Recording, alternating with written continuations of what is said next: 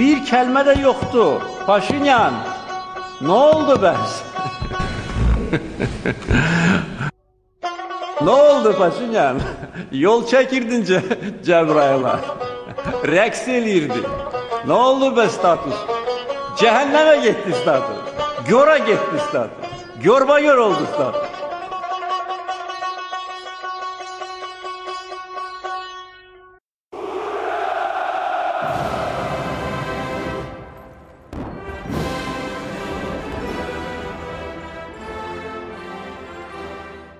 Rusya'dan Sevgilerle'nin 8. bölümüne hoş geldiniz. Tekrardan birlikteyiz. Her hafta olduğu gibi Rusya'dan, o Sovyet coğrafyasından, Doğu Avrupa'dan ve konuşacağımız ne varsa konuşmaya devam ediyoruz. Hoş geldin Oğuz. Hoş bulduk Deniz. Geçen hafta olduğu gibi bu haftada gündemimiz oldukça yoğun. Böyle post-Sovyet cumhuriyetlerinin köşe başlarında sürekli bir takım olaylar gerçekleşmeye devam ediyor. Bize de tabii konuşacak bir sürü mesele çıkıyor. Öncelikle Moldova'daki Cumhurbaşkanlığı seçimlerinden başlayacağız. Geçtiğimiz pazar günü yapıldı ve Maya Sandu 2016'nın aksine bu sefer kazandı. Yine Igor Dodon'la 2016'da yarışmışlardı. Igor Dodon 70 bin oy farkıyla kazanmıştı ama bu sefer birazcık fark olacak şekilde 58'e 42 bitti ve 200 küsür bin oy farkıyla Sandu kazandı. Ve tabii bir anda şu tartışmalarda beraberinde geldi. İşte Avrupa Birliği yanlısı bir aday kazandı. Şimdi Rusya ne yapacak? Burada bir takım analistler daha ılımlı analizlerin yapılması gerektiğini söylüyorlar ki ben de bu görüşteyim. Büyük ihtimalle sen de bana katılacaksındır. Çünkü bir tarafta Avrupa Birliği yanlısı, bir tarafta Rusya yanlısı diye iki kutuba ayırdığımız zaman aradaki detayları kaçırmış oluyoruz yani. İşte Ukrayna'da aynı, Moldova'da aynı şeyleri söylediğimiz zaman ya da Ermenistan'da aynı şeyleri söylediğimiz zaman o iç dinamikleri hep aynı kalıba sokarak bir takım sonuçları yaratmaya çalışıyoruz. Bunun o kadar etkili olmadığını en azından Moldova için söyleyebiliriz. Çünkü Putin tarafından da tebrik edildi ve Sandu Avrupa Birliği'ne Dodon'a göre çok daha yakın olsa bile Rusya ile bağları kopartacak veya çok radikal adımlar atacak bir insan değil. Aksine şunu da söylememiz gerekiyor. 2019 yılının Şubat ayında parlamento seçimleri yapılmıştı ve parlamento seçimlerinde Sosyalist Parti, Dodon'un destekçileri yüksek oy almışlardı ve şu anda koltuk sayısında diğer partilere göre üstün durumdalar. Ve bir şeyler değişecekse tekrar bir sonraki parlamento seçimlerinin beklenmesi ve orada bir şeylerin değişmesi bekleniyor ki Sandu da bu parlamento bizi taşıyamaz. Bu parlamentonun değişmesi lazım diye açıklama yaptı. Aslında bir erken seçim ihtimali veya bunun dillendirilmesi şu an Cumhurbaşkanı seçilen Sandu tarafından önerildi ve büyük ihtimalle ileriki zamanlarda da önerilmeye devam edecek. Bununla birlikte neden Dodon kaybetti? Yani 4 yılın sonunda Rusya'ya daha yakın politikalar izleyen ama o kadar da e, sert bir isim olmayan Dodon 3 sebepten dolayı kaybetti şeklinde analizler var. Bunlardan ilki Dodon'un kapsayıcı bir seçim süreci geçirmemiş olması bu dillendiriliyor. İkincisi Moldova dışında yaşayan Moldova vatandaşlarının verdiği oyların neredeyse tamamı Sandu'ya gitti. Ve Sandu buradan büyük bir fark elde etmiş oldu. Dodon yurt dışında yaşayan Moldova vatandaşlarını ikna edemedi. Üç, Cumhurbaşkanlığı seçimleri Moldova'da iki turlu yapılıyor ve ilk turda üçüncü seçilen kişi Renato Usata'ydı ve %17'ye yakın oy aldı. 16.9 yanlış söylemiyorsam. Ve Renato Usata'yı birazcık daha ortada bir figür. Dodon'u Moskova'dan para almakla ve yolsuzluk yapmakla suçluyor. Fakat Sandu'ya da direkt olarak destek vermiyor. Ve Dodon aradan geçen 2-3 haftada Renato Usat'ın seçmenini ikna edemedi. Ve ikna edemediği için o oylar ya hiç kullanılmadı ya da kullanıldığı takdirde Sandu'ya gitti. Ve Sandu büyük bir farkla seçimi kazandı. Senin ekleyeceğin bir şeyler var mı Moldova ile ilgili? Burada tek eklenebilecek şey belki Türkiye yine hani Türkiye'nin pozisyonu olabilir. Türkiye e, Rusya gibi açıktan bir pozisyon almadı yani. Daha doğrusu Rusya gibi açıktan herhangi bir e, tartışmanın odağı olmadı. Fakat biliyoruz ki özellikle bu son 15 yılda e, TİKA'nın özellikle Gagavuzya'da çok önemli projeleri vardı. Gagavuzya Başkanı Irina Vula Türkiye'de zaten el üstünde ağırlanan, e, çektiği e, Gagavuzya videolarla hani milliyetçilerin ya da milliyetçi olmayan çoğu insanın empatisini kazanmış bir isimdi. Ve Gagavuzlar Dodon'u desteklemişti. Fakat Sandu'nun seçilmesiyle birlikte yine Gagavuzya'nın otonomik çerçevesinde pek bir değişiklik olacağını sanmıyorum. Ki bunlar hep e, Avrupa Birliği'nde muhtemelen ileride garantisinde olacak, gözlenebilecek şeylerdir. E, senin aslında ifade ettiğin şey çok önemli. Bütün eski Sovyet Cumhuriyetlerine aynı perspektiften bakılıyor. Aynı ölçekle burada yaşanan siyasi olaylar izleniyor. Fakat bu yanlış. Altını çizdiğin üzere. Sonuçta Moldova'nın hani şu an için büyük bir bölgesel kriz yaratacağını herhalde aklı başında olan insanlar düşünmüyordur. Fakat sadece belki ilgi çekici bir nokta olarak belirtmek gerekir. Özellikle Biden'ın başa geçeceği şu, şu süreçte bütün çeper ülkeler, Rusya'nın bütün çeper ülkelerinde önemli değişiklikler yaşanıyor. Ee, Moldova'da tabii bunlardan biri. Fakat temelen burada yaşanan olayların etkisi Belarus kadar, Ukrayna kadar ya da Kırgızistan kadar belirleyici olmayacak. Burada şunu ekleyelim. Hakan Güneş'in yazısında da vardı. Yani zaman gerçekten birazcık daha Avrupa Birliği'nin lehine çalışıyor Moldova konusunda. Çünkü Moldova gittikçe Avrupa Birliği'ne entegre oluyor. Bunun en büyük sebebi Romanya ile olan tarihsel bağları ve Romanya ile birleşme ihtimali. Diğer bir mesele olarak Moldovalılar genellikle Romanya vatandaşı da olurlar. Bunun temel sebebi de tabii ki de Avrupa'ya açılabilmeleri. Ve bunun çok kolay bir prosedürü var Moldovalılar için. O yüzden o daha cazip geliyor. Ama bir taraftan da Transdniester var. O da tamamen Rusya yanlısı. Yani Moldova bahsimiz aslında bu. Transdniester'e bakacağız heyecanla önümüzdeki yıllarda. Evet. Oraya gitmek istiyorum. Gidemedim. Moldova'ya gittim. Kişinov'a gittim. Ama Transdniester'e daha gidemedim. Umarım şu karantina bittikten sonra Transdniester görmeyi. Avrupa Birliği gelmeden beraber gidelim. Evet, aynen. Yoksa Schengen ayrı bir mesele olacak. Moldova'ya vize yok çünkü.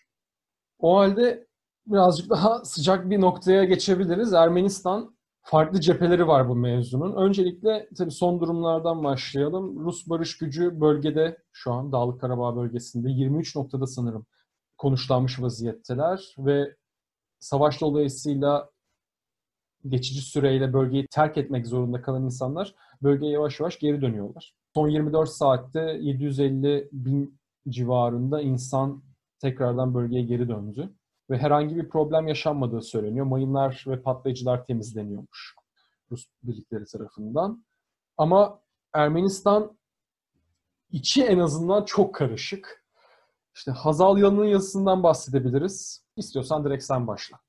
Evet Ermenistan'da çok acayip şeyler oluyor. Yani bunlar tabii aslında 90'ların sonunda yaşanmıştı. Şu an tekrar sadece bir tekrarını görüyoruz. En son programı yaptığımızda Ermeni göstericiler, bu barış anlaşmasına karşı çıkan milliyetçiler e, meclis baş basmışlardı. Taşnaklar özellikle. Hatta taşnakların bugün hala e, siyaseten meydanda olması e, pek çok espriye de Türkiye'de söz konusu oldu sosyal medyada. Sanki 1890'lardaymışız gibi meclis basıyorlar. Meclis başkanını linç ediyorlar. Ama bu hafta açığa çıkan bir e, haber aslında çok etkisi yarattı. Paşinyan'a yönelik bir suikast e, düzenlendiği iddiası. Bunun yanı sıra e, Karabağlı bazı generallerin darbe yapacağı gibi tuhaf söylemler.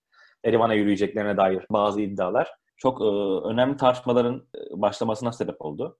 Senin de e, referans verdiğin Hazal Yalı'nın e, yazısı aslında burada e, çok önemli. Kendisinin paylaştığı şeyler. Patlamaya hazır bombaya fitil ateşleyen Putin'in açıklaması oldu. Evet. Yani bu şey çok acayip. Karabağ meselesini sadece Putin kendisi götürüyor yani. Adam şovmen gibi açıklamalarıyla değil mi? Ee, sadece iki ülkeyi değil, bölgedeki herkesi şaşırtmaya devam ediyor, oynatmaya devam ediyor. Demiş ki Putin e, bundan e, iki gün önce verdiği demeçte. E, 19-20 Ekim'de Aliye ve Paşinyan ile bir dizi telefon görüşmemiz oldu. Tabii ben Hazal Yalın'ın tercümesini okuyorum. Bu sırada Azerbaycan Silahlı Kuvvetleri Karabağ'ın önemli kısmını ele geçirmişti. E, fakat Putin bu noktada hatırlayacak olursak e, bir ateşkes anlaşması öneriyor. Bunu da reddeden e, kendi iddialarına göre Paşinyan. Ve böylece ateşkes e, hemen kısa sürede ihlal ediliyor. E, halbuki o anda e, sadece Azerbaycan kuvvetleri bazı belli başlı e, rayonları ele geçirebilmişti. Ve hatırlayacak olursak e, Ekim ayının sonuç sonunda gelen süreçle beraber e, Azerbaycan işgal altındaki rayonların neredeyse e, tamamını ele geçiriyor e, sadece Sovyet Dağlık Karabağ'ın çok az bölümü e, ele geçirilmesine rağmen e, büyük bir e, yenilginin eşine gel- gelmişti Ermeni kuvvetleri. Aliyev'in ne oldu Paşinyan çıkışı yani bütün o esprileri ve durumu bir kenara bırakarak buna da bir referans oldu. olabilir gibi geldi bana. Ya çünkü Evet. Putin'in açıklamasından sonra Aliyev'in söyledikleri daha bir oturdu bende. Evet, evet. Kesinlikle. Yani bu açıklamalarda görülen şey e, Paşinyan'ın artık inadı mı diyelim.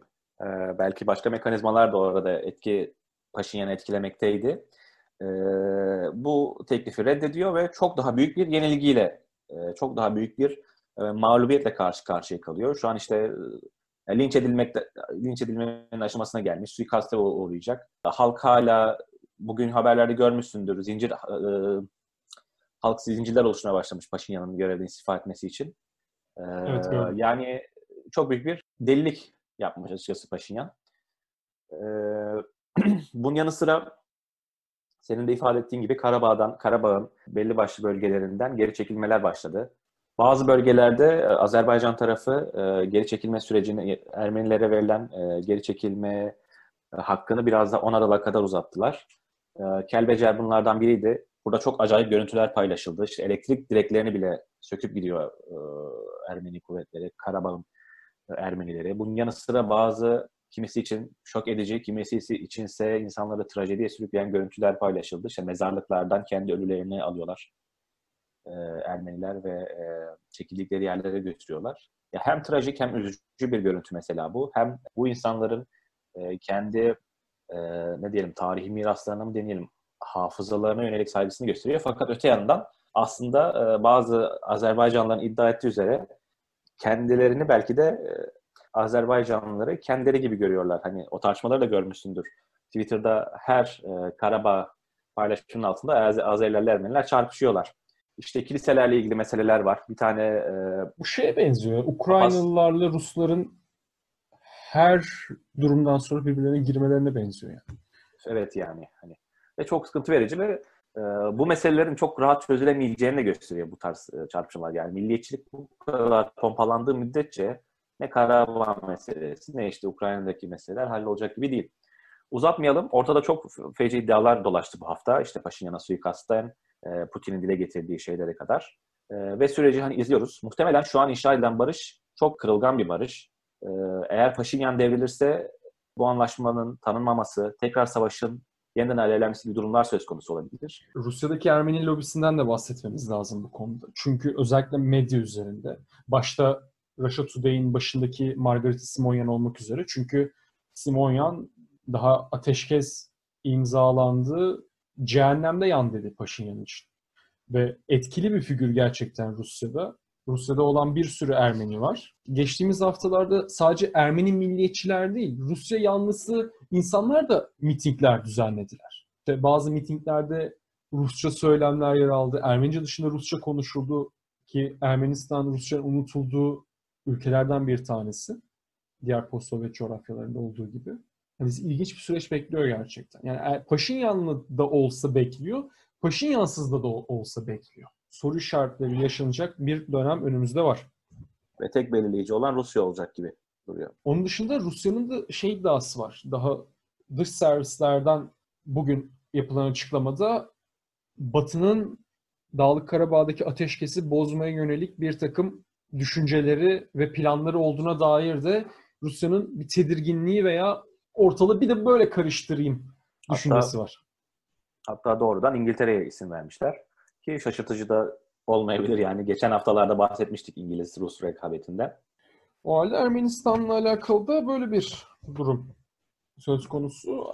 Bugün üçüncü olarak nereye geçebiliriz? Belarus'a geçebiliriz. Çünkü orada da yani post-Sovyet coğrafyalarında teker teker dolaşıyoruz ama belki 2020'yi bitirirken yapacağımız programda şunu farkına varacağız. Bu yıl bütün post-Sovyet ülkelerinde bir şeyler oldu. Gürcistan, Kırgızistan, işte Belarus, Ukrayna, onun dışında Ermenistan, Azerbaycan zaten var. İşte Özbekistan, Tacikistan ki Tacikistan'da, Türkmenistan'da sürekli bir şeyler oluyor. Yani hepsinde bir şeyler var. Yani Rusya'nın kendisinde de bir şeyler oluyor. Daha yılın başında Medvedev Putin'in sağ kolu, senin o Kremlin'in adamları dediğin serinin baş kahramanlarından biri de görevden alındı. Kabine değişti, başbakan değişti vesaire. Ben burada bir düzeltme yapayım. Türkmenistan'da pek bir şey olmuyor. Sadece bir köpek heykeli açıldı geçen hafta. Onu da görmüşsündür. Yani Ee, yok sürekli bir şeyler tabii. İşte Tabii, kitap, tabii. kitap Ee, yayınlanmıştı galiba geçen ay. Tabii yıllar önce bu Berdi Muhammedov e, tıpkı şey gibi bu Kuzey Kore'nin lideri gibi 10 parmağında 10 marifet olan bir adam. İşte hani konser veriyor, rock konseri, beste yapıyor, drift yapıyor vesaire. E, sevdiği alabay türü köpek için geçen hafta bir heykel açtı altından. 6 metre uzunluğunda. Türkmen uluları onun etrafında şarkı söyleyip dua ettiler. Orası pek asa sakin diğer yerlere göre. Neyse. O zaman Belarus'a geçelim. Belarus'taki eylemler 4 ayı doldurdu ve bu gidişle bilmiyorum artık nasıl sonuçlanacak ama devam edecek gibi gözüküyor. Ve Tihanovskaya etkili bir figür olmaya devam ediyor. Burada aslında üçlü bir durum var. İşte Belarus'un içindeki Lukashenko 1, eylemciler 2, üçlü, üçü geçtik. Tihanovskaya 3, işte Rusya'nın tutumu, Avrupa Birliği'nin tutumu derken çok fazla aktör var. Ve bu çok fazla aktörün içerisinde biz de bu çorba olmuş meseleyi acı toparlamaya çalışalım. Eylemler düzenli olarak devam ediyor. Buna karşılık Lukashenko ve polis güçleri eylemcileri tutuklamaya, gözaltına almaya devam ediyorlar. Lukashenko başkanlık yapmaya devam ediyor. Tihanovskaya açıklama yapmaya devam ediyor. Ama iki ayrıntı var. Bunlardan bahsedelim çünkü yeni sayılabilecek ayrıntılar. Tihanovskaya'nın son açıklaması. Ki sen de gördün. TAS geçti diye hatırlıyorum. Rusya'ya karşı bir eylem gütmüyoruz ve Rusya'ya karşı bir ajandamız yok diye bir açıklama yaptı. Ki bu önemli. Aynı zamanda Avrupa Birliği temsilcileri, yetkilileriyle de buluşmaya devam ediyor. Özellikle Baltık ülkeleriyle arası çok iyi ki Baltık ülkelerinde de Rusya ile çok fazla arası yoktur. Meşruiyet sağlamak için mi böyle yapıyor sence yoksa gerçekten de Rusya'ya karşı bir pozisyon almak derdi yok mu? Yani tabii büyük bir sabırla Ağustos ayından beri e, iki tarafta kozlarını oynamaya çalışıyor. E, Biz Lukashenko'yu çok hızlı bir şekilde aslında kazandığını ilan ettik. Biz derken yani dünyanın bütün geri kalanına. Fakat Tihanovskaya e, da önemli oyuncu. Muhtemelen şu an hani ağız yok diyor gibidir. E, Her hafta, her gün e, Lukashenko ile ilgili Rus medyasında önemli haberler çıkıyor. Takip ediyorsundur. E, Geçen de işte pasaport aldığına dair, işte kaçacağına dair falan bazı şeyler de okudum. Çünkü Belarus'taki aslında oyun yani biraz Venezuela'dakine benziyor. Orada da hani biliyorsun hem Maduro başta ama öte yandan e, bir e, Batı ülkeleri tarafından tanınan e, işte sözde başkan var. Tihanovskaya da bu şekilde gidiyor. Fakat bence bu pek sürdürülebilir gibi değil. Sen bu konuda ne diyorsun? Sürdürülebilir görüyor musun o etkinliklerini? Belarus'u ya Venezuela'dan ayırmak lazım. Çünkü Lukashenko Maduro'nun aksine hem askeri çok net bir şekilde kontrol edebiliyor. OMON'u çok net bir şekilde kontrol edebiliyor. Devlet kademesinde, bürokraside Maduro'dan çok daha etkin bir figür. Zaten bu yüzden Tihanovskaya Belarus'un içinde bir muhalefet güdemiyor. Çünkü tutuklanma ihtimali var. İşte gözaltına alınma ihtimali var. Engellenme ihtimali var. Bir, işi birazcık daha ileri götüreceksek suikaste gitme ihtimali var. Ya bunların ihtimal dahilinde olduğunu tabii ki söyleyebiliriz. Ve o yüzden gitmek istedi. Ama şunu da söyleyelim. Tihanovskaya bir meşhur lidermiş gibi Avrupa Birliği temsilcilerinden görüşme koparabiliyor. Özellikle Merkel'le görüşmesi yani. yani. E, tabii ki ya çok üst düzey yetkililerle görüşüyor. Hani öyle büyükelçilerle ya da işte komisyondan ya da konseyden bir takım isimlerle değil. Devlet başkanları, cumhurbaşkanları diyebileceğimiz insanlarla görüşme fırsatı yakaladı ve büyük ihtimalle görüşmeye devam edecektir. Ki Macron'la görüşmedim ben mi yanlış hatırlıyorum? Tabii Macron, Merkel ortak bir şeyleri var. Evet evet Görüşmeleri. doğru. Yani Lukashenko da yani görmezden gelirmiş gibi bazen laf ediyor tabii ama o da ilginç bir durum yani bizim için. İşte Belarus'taki durum bu. Daha geçtiğimiz günde 900 kişi gözaltına alındı. Yani sert geçiyor. Bazen yumuşak, bazen sert. Hava durumu gibi gerçekten Belarus'taki eylemler. Eylemlerin en azından seyri. Bununla birlikte o zaman dördüncü kısma geçelim. Geçtiğimiz haftalarda zaten bahsetmiştik. Putin'in hasta olup olmadığı iddiası İngiliz medyasını biraz karıştırmıştı. Yeni bir yasa geçti. Bu anayasa değişikliklerinin diğer kısmı. İşte devlet başkanlarını korumaya alan hatta korumadan ziyade belki de çelik yelek giydiren, kask Ömür taktıran. boyu dokunulmazlık. Evet. Burada iki ayrıntı benim için önemli. Birincisi Putin hasta mı bırakacak mı söylemlerini bu kısmı sen söylersin. İkincisi ise Gorbaçov bu kapsama dahil değil. Gorbaçov'un hala hayatta olması insanları şaşırtıyor. Geçmişin e, tozlu sayfalarından bir isim gibi geliyor çoğuna ama maşallah sağlığı yerine yani Tur gibi koronadan etkilenmeyen ender insanlardan biri dünyada. Kendisi aktif olarak e, dünya siyasetinde takip ediyor. Geçen Biden'ın seçim kazanması üzerine de yorum yapmıştı. Bunun işte Rus-ABD ilişkilerinin ilerlemesini umduğunu söylemişti. Ama bu yasa düzenlemesinin yani Putin hedef aldığı herhalde tartışma götürmez bir şey. Kişiye özel bir yasa. E, tabii buradaki e, en önemli trik Putin'in hasta olduğu, Parkinson olduğu iddialarına da iddiaları üzerine denk gelmesi böyle farklı bir tartışmayı alevlendirdi. Ama muhtemelen bu yasa tas- taslakları önceden beri yani daha Haziran ayındaki değişimler e, referandumdan beri e, gündemde olan şeyler. Tabii Putin e, şu an için yani artık genç değil ama yaşlı da değil. 80 kaç yaşında olacaktı 2036'da? Sen geçen yayında söylemiştin. 83 83 müydü? yaşında olacak. 83 e, artık e, dünya yöneten insanlar için işte Kraliçe Elizabeth'ten tut Biden'a, Trump'a, Gorbaçov'a kadar genç bir yaş. Fakat tabii ki Putin muhtemelen kendisini herhangi bir duruma karşı e, güvence altına alıyor olabilir. E, ama şu an için ama sanırım şu an için sadece küçük bir detay. Eğer cidden İngiliz basının iddiaları doğruysa bunun dünya için, Rusya'nın politikası için çok da büyük bir değişim yaratacağını düşünmüyorum. E, muhtemelen Putin e, Nazarbayev'in e, stratejisine uygulayacaktır eğer herhangi bir hastalık, yorgunluk ya da görev bırakma durumu söz konusuysa ki buna gerek de yok referandumu yani Haziran'da yaşanan referandum biliyoruz. Ama muhtemelen kendisi e, bir şekilde e, yargı dokunulmazlığını elde edip artık onursal başkan mı, onursal e, sıfat bulacaktır. Kendi yerine atadığı halefiyle beraber yönetecektir. Kendisiyle aynı zihniyette, e, aynı ortamda yetişmiş, onun sadık, ona sadık bir isim olacaktır. Ben 2030'da aday olacağını zaten düşünmüyorum bu arada. Şimdiden söyleyeyim onu. Yani 10 yıl var ama 2024 Putin'in ki statükodaki gibi Rusya'nın yönetildiği senaryoda son başkanlık adaylığıdır gibi geliyor bana. Çünkü 2030'da işte 77 yaşında olacak. O ona yeter gibi. Evet muhtemelen Nazarbayev'in e, formülünü ondan sonra Mümkün. uygulayabilir eğer hayatta olursa. Mümkün. Ama orada işte bırakabileceği bir biri var mı, olur mu, yaratır mı? Bunu biraz zaman gösterecek. Evet kesinlikle. Çünkü en yakınındaki isimler de onunla aynı yaşta. Şaygu, Lavrov, işte Gerasimov belki birazcık askeriyeden. Bunlar hep aynı yaştaki isimler. Medvedev var. Genç hala yani diğerlerine nazaran ama Medvedev'e bence güvenmiyor. Ama kendi e, Yeltsin'in şapkasından çıkmıştı yani. Belki e, şapkasında bir yerlerinde muhtemelen bir isim tutuyordur, hazırdır gibi gel- geliyor bana. Bu çünkü başbak, şu anki başbakanı bile e, çok fazla adı sanı duyulmamışken Medvedev'in yerine atamıştı.